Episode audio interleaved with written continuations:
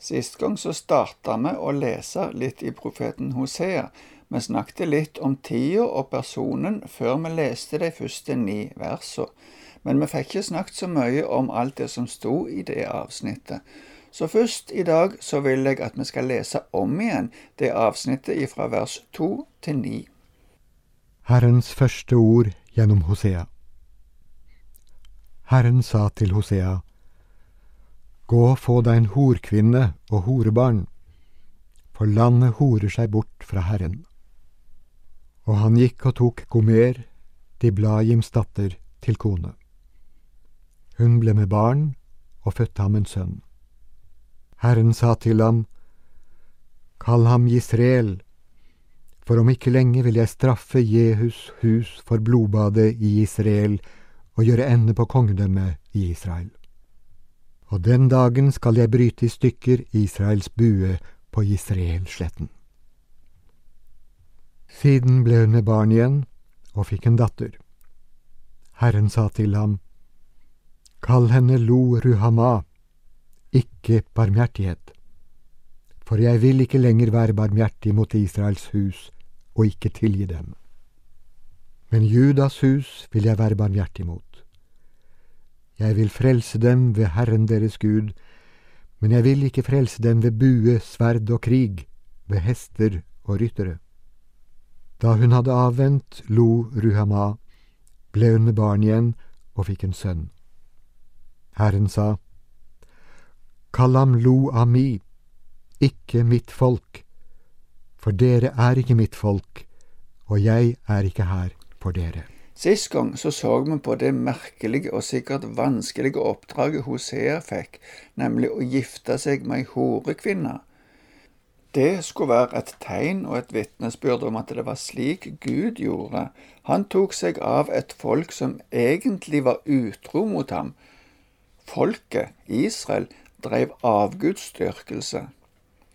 De barna Hosea fikk med denne horkvinna, skulle òg ha navn som skulle være en del av det profetiske budskapet.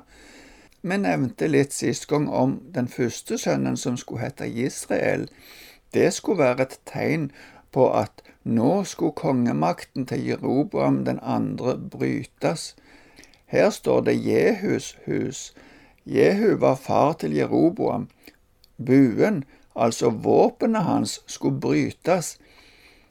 Dette barnet skulle være en preken om at Gud ikke hadde glemt blodskylda som hvilte over Jehus hus.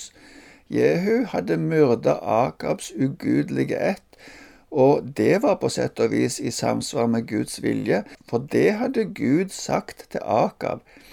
Men Jehu fortsetter den forferdelige avgudsdyrkelsen som Jeroboam den første starta, med tilbedelse av gullkalvene i Dan og Betel.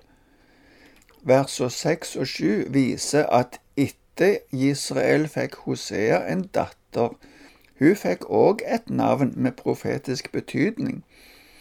Hun skulle hete Lo Ruama. Det betyr den som ikke får miskunn. Dette barnet ble altså en levende profeti om at Guds nåde og barmhjertighet foreløpig hadde tatt slutt. Nå var det ikke lenger mulig å holde straffedommen tilbake. Men Gud tilføyer at for Judas hus vil han vise barmhjertighet. Der vil han frelse de på en spesiell måte, som viser tydelig at det er Gud som griper inn. Det skal ikke skje med hærmakt, men med Guds inngripen.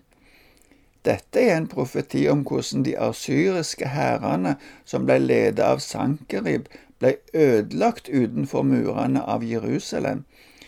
Det skjedde på kong Hiskias i tid og er beskrevet i slutten av andre kongebok, kapittel 19. Der står det at Herrens engel slo 185 000 av Sankeribs soldater. Men det peker òg videre til Jesus som løven av Judas stamme. Han frelser ikke med bue, sverd og krig, men med korsets evangelium. I de to siste versene som vi leste, er det snakk om det tredje barnet som Hosea fikk med Gomer. Det var òg en sønn. Han skulle hete Lo-ami, som betyr ikke mitt folk, det er en trussel om at Herrens paktsforhold med sitt folk kom til å ta slutt. Det er et dommens ord over hjertene som har forkasta sin Gud. Fordi folket vendte seg fra Gud, mister de etter ei stund muligheten til å være Guds folk. Det gjaldt Israel på den tida, og det gjelder fremdeles de som velger bort Guds vei til frelse, nemlig Jesus. I norsk bibel oversettes avslutningen av vers 9 som Jeg vil ikke være, jeg er for dere. Med andre ord sier Gud at han ikke lenger vil være den frelsende og nærværende Gud for dem. Slik er det òg i vår tid. Så lenge vi ønsker å holde oss til Jesus, er han vår gode hyrde, og sjøl om vi går bort, prøver han å få oss tilbake. Men den som bevisst og over tid ikke vil ha noe mer med han å gjøre, vil etter ei tid ikke lenger ha han som sin hyrde. Vi leser nå resten av kapittel 1, nemlig versene 10 og 11. Israels barn skal bli tallrike som havets sand, som ikke kan måles og ikke telles. Der det før ble sagt til dem, Dere er ikke mitt folk, skal det sies, Den levende Guds barn.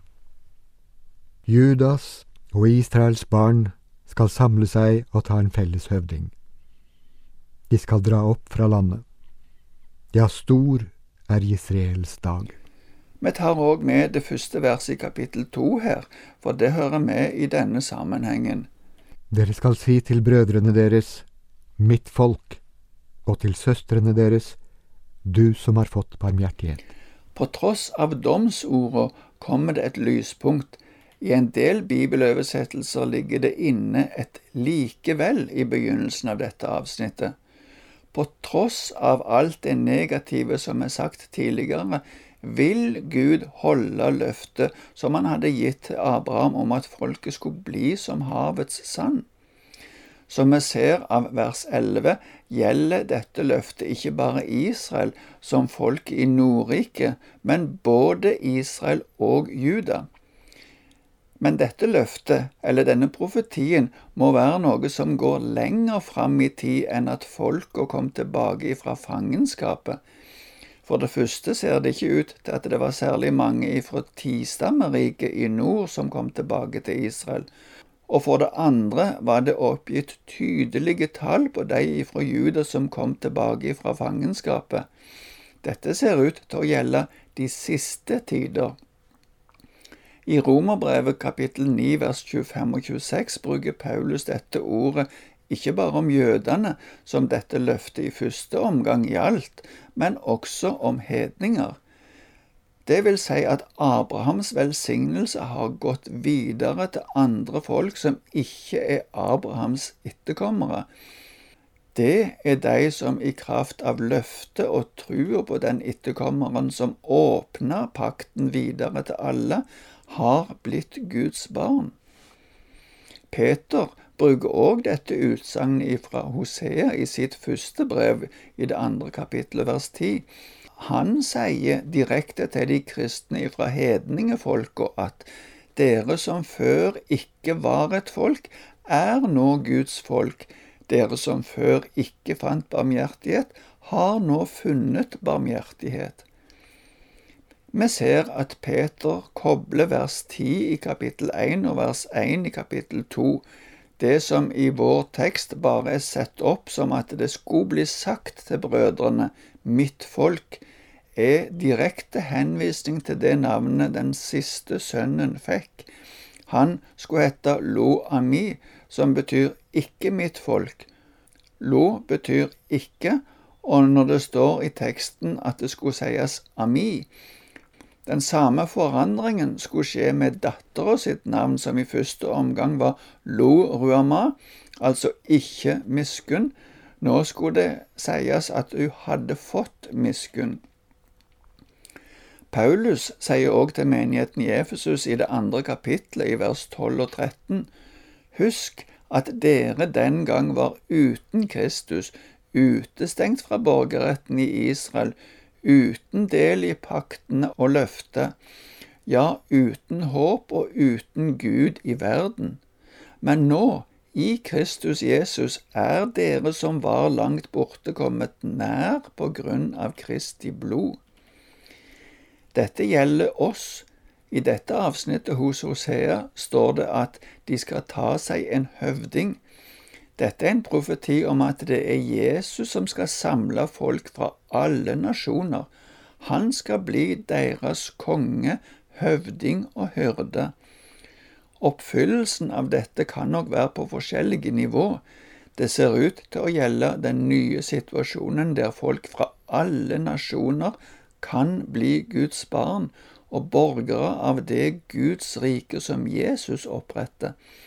Men samtidig kan det innebære en oppfyllelse for Israel som folk.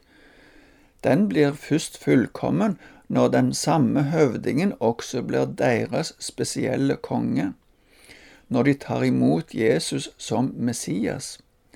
Israel betyr, som vi har sagt før, at Gud sår, og resultatet av det Gud sår ut i verden, blir en stor seier, en stor haust. Et folk fra alle nasjoner og tungemål skal samles hos ham. Du er vel òg med der?